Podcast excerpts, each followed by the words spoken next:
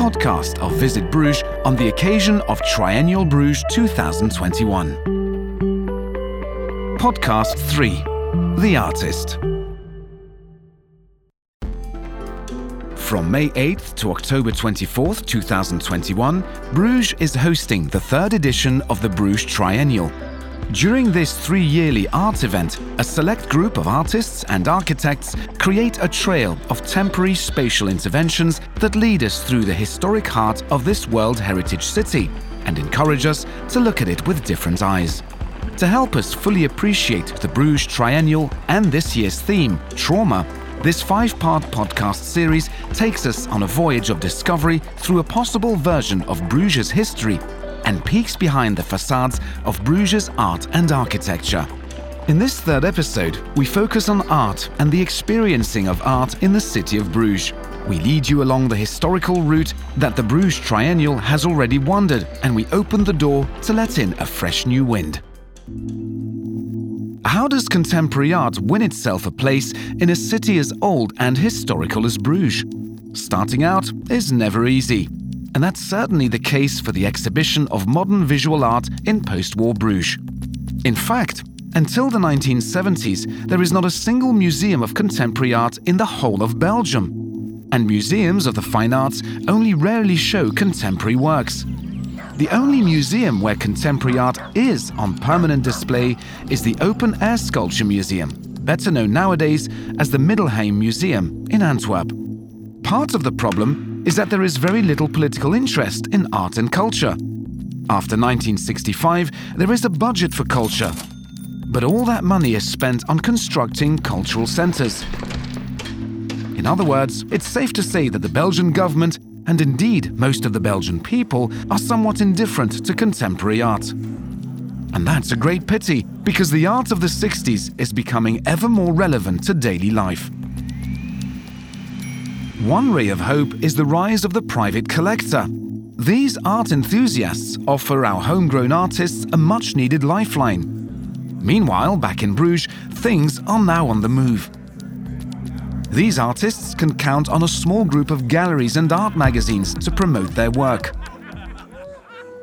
Sadly, that support is short lived.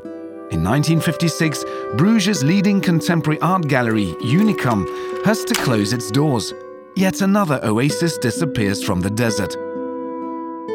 Fortunately, all is not yet lost. In 1959, the province of West Flanders sets a good example by starting a collection of contemporary works by national artists.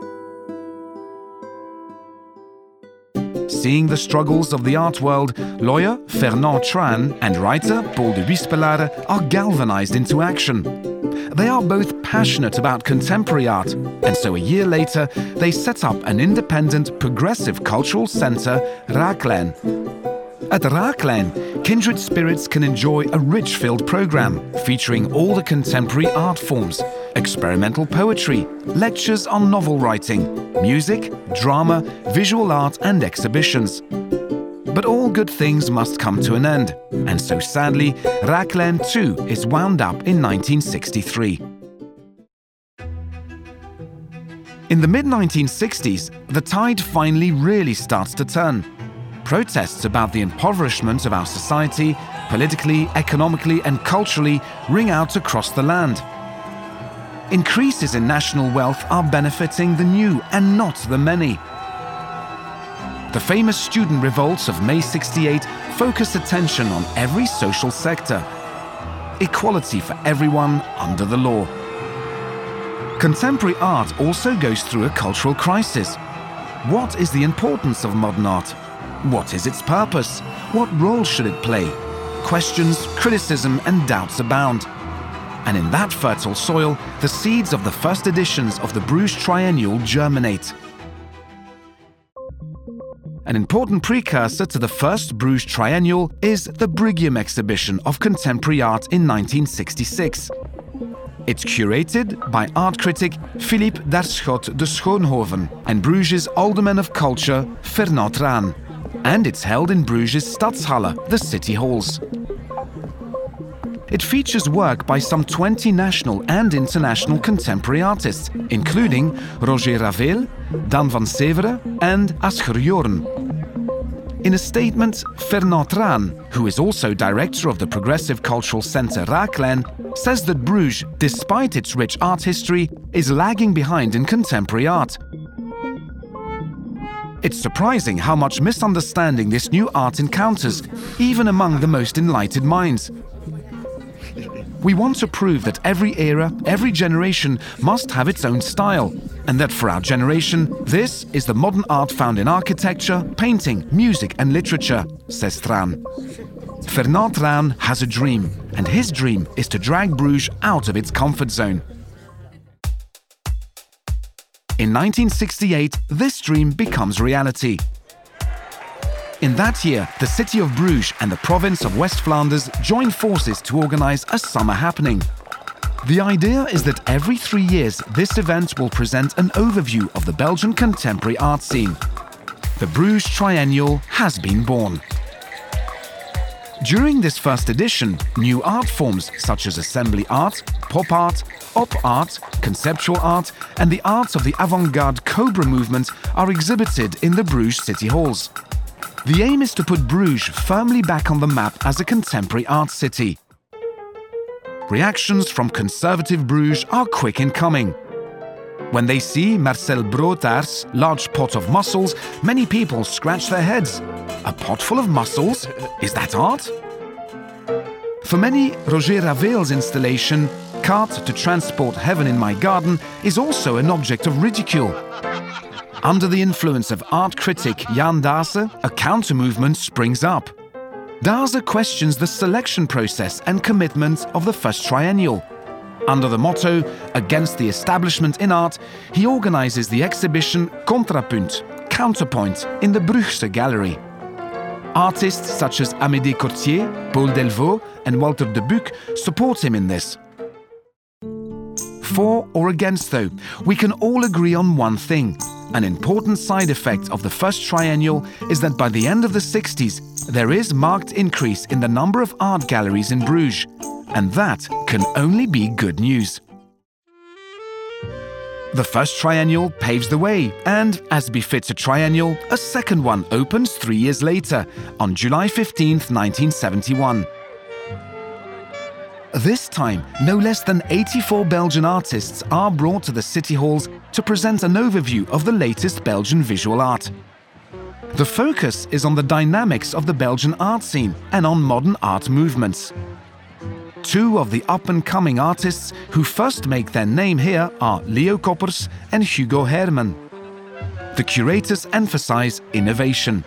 They hope to appeal to a wide audience and make the triennial accessible to everyone. To achieve this, they work around three access points assessment, confrontation, and activation. The activation of the public, but also of the space and of the city. A good example of this approach is The Swans of Bruges, a work by Roger Raveel.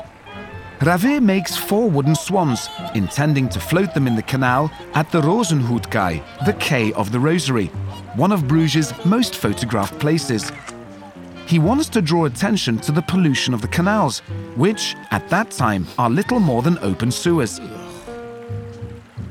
His efforts are repeatedly frustrated by council workers, and the swans are removed.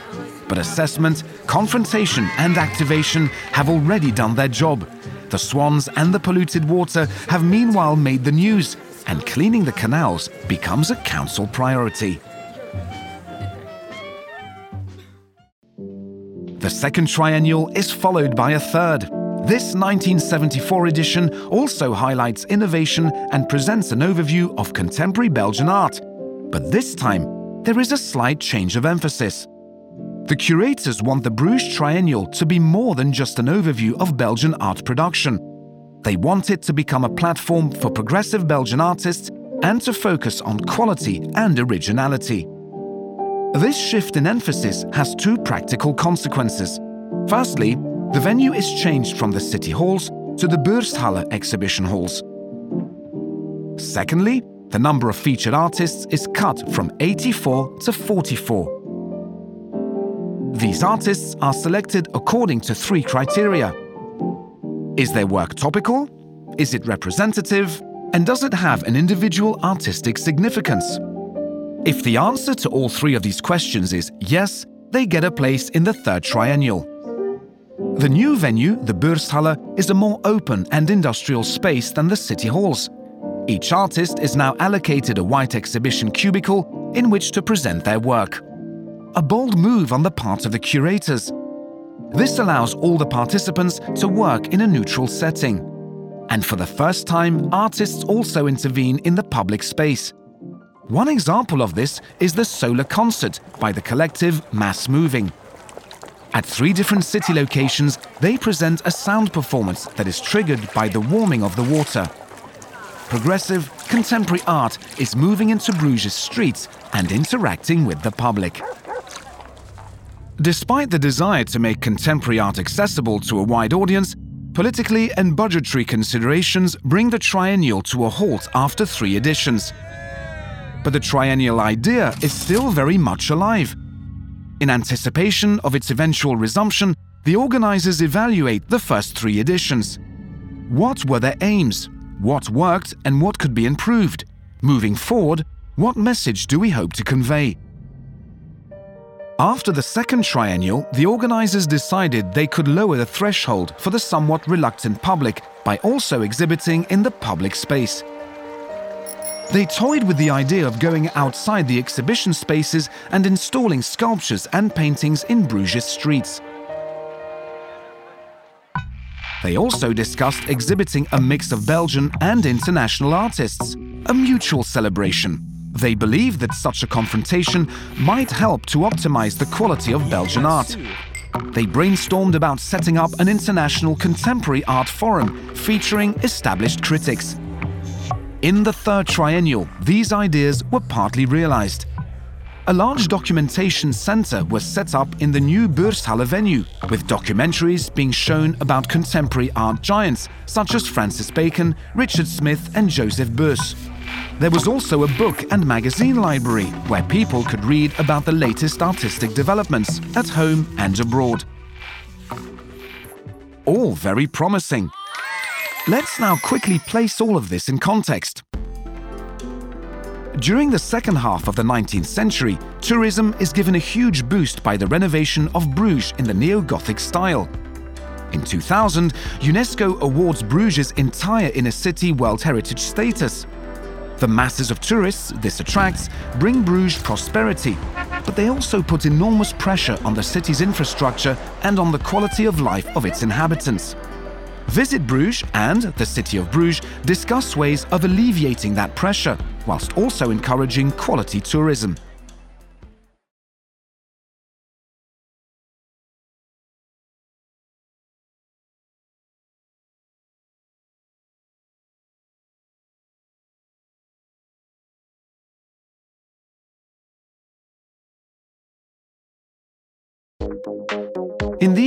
Triennials, the participating artists and architects are selected according to their connection with topical social themes. Another difference is that the focus is now mainly on international artists and architects. Their temporary spatial interventions encourage residents and visitors to look at Bruges with different eyes. The image of Bruges as a quaint and contrived open-air museum is thus shattered.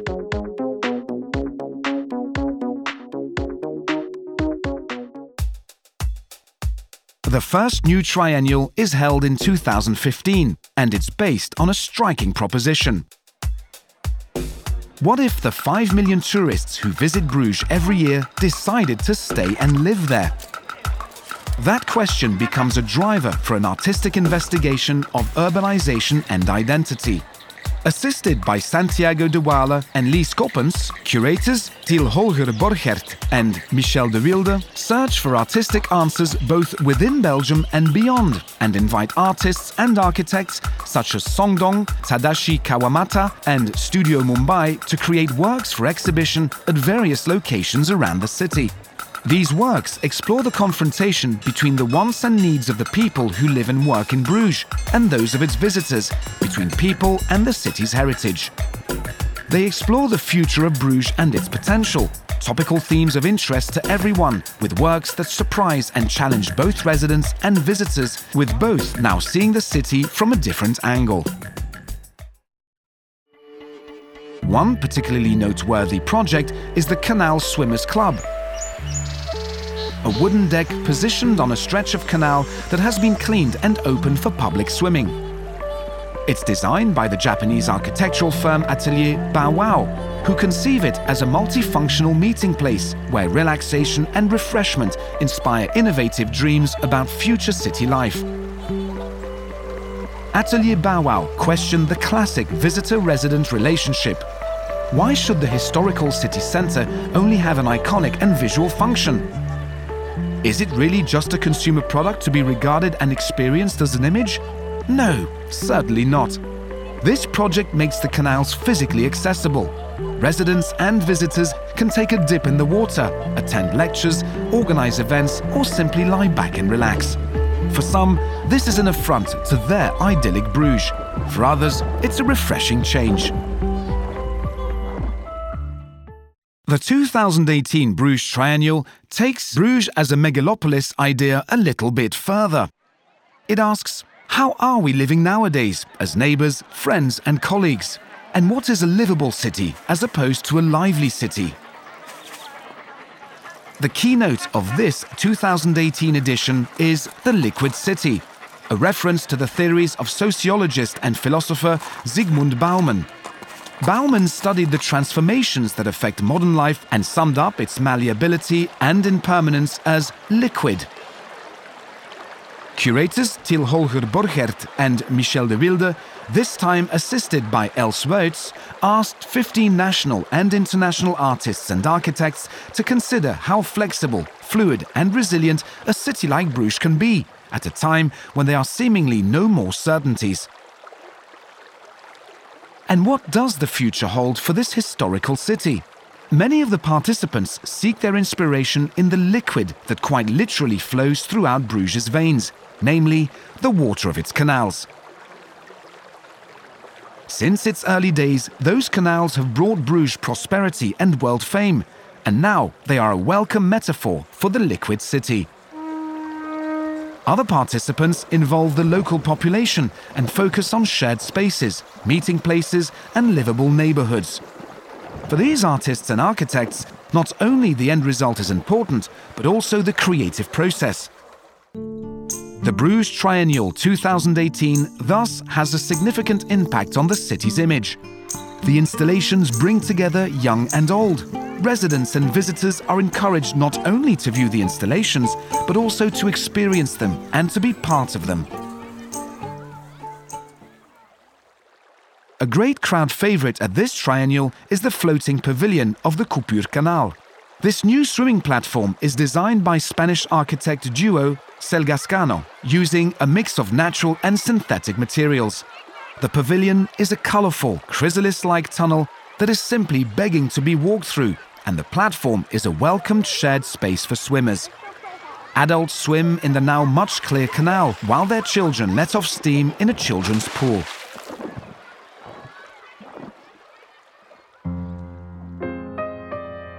That concludes our potted history of the Bruges triennials.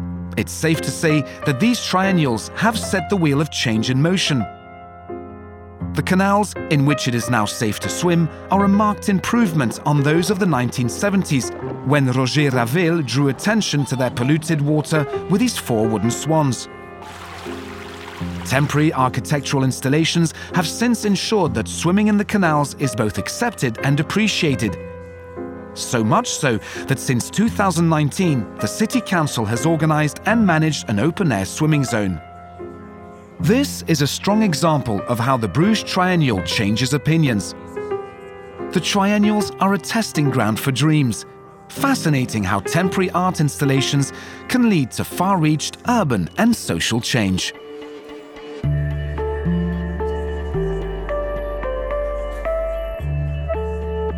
Find more information on www.triennalbruges.be.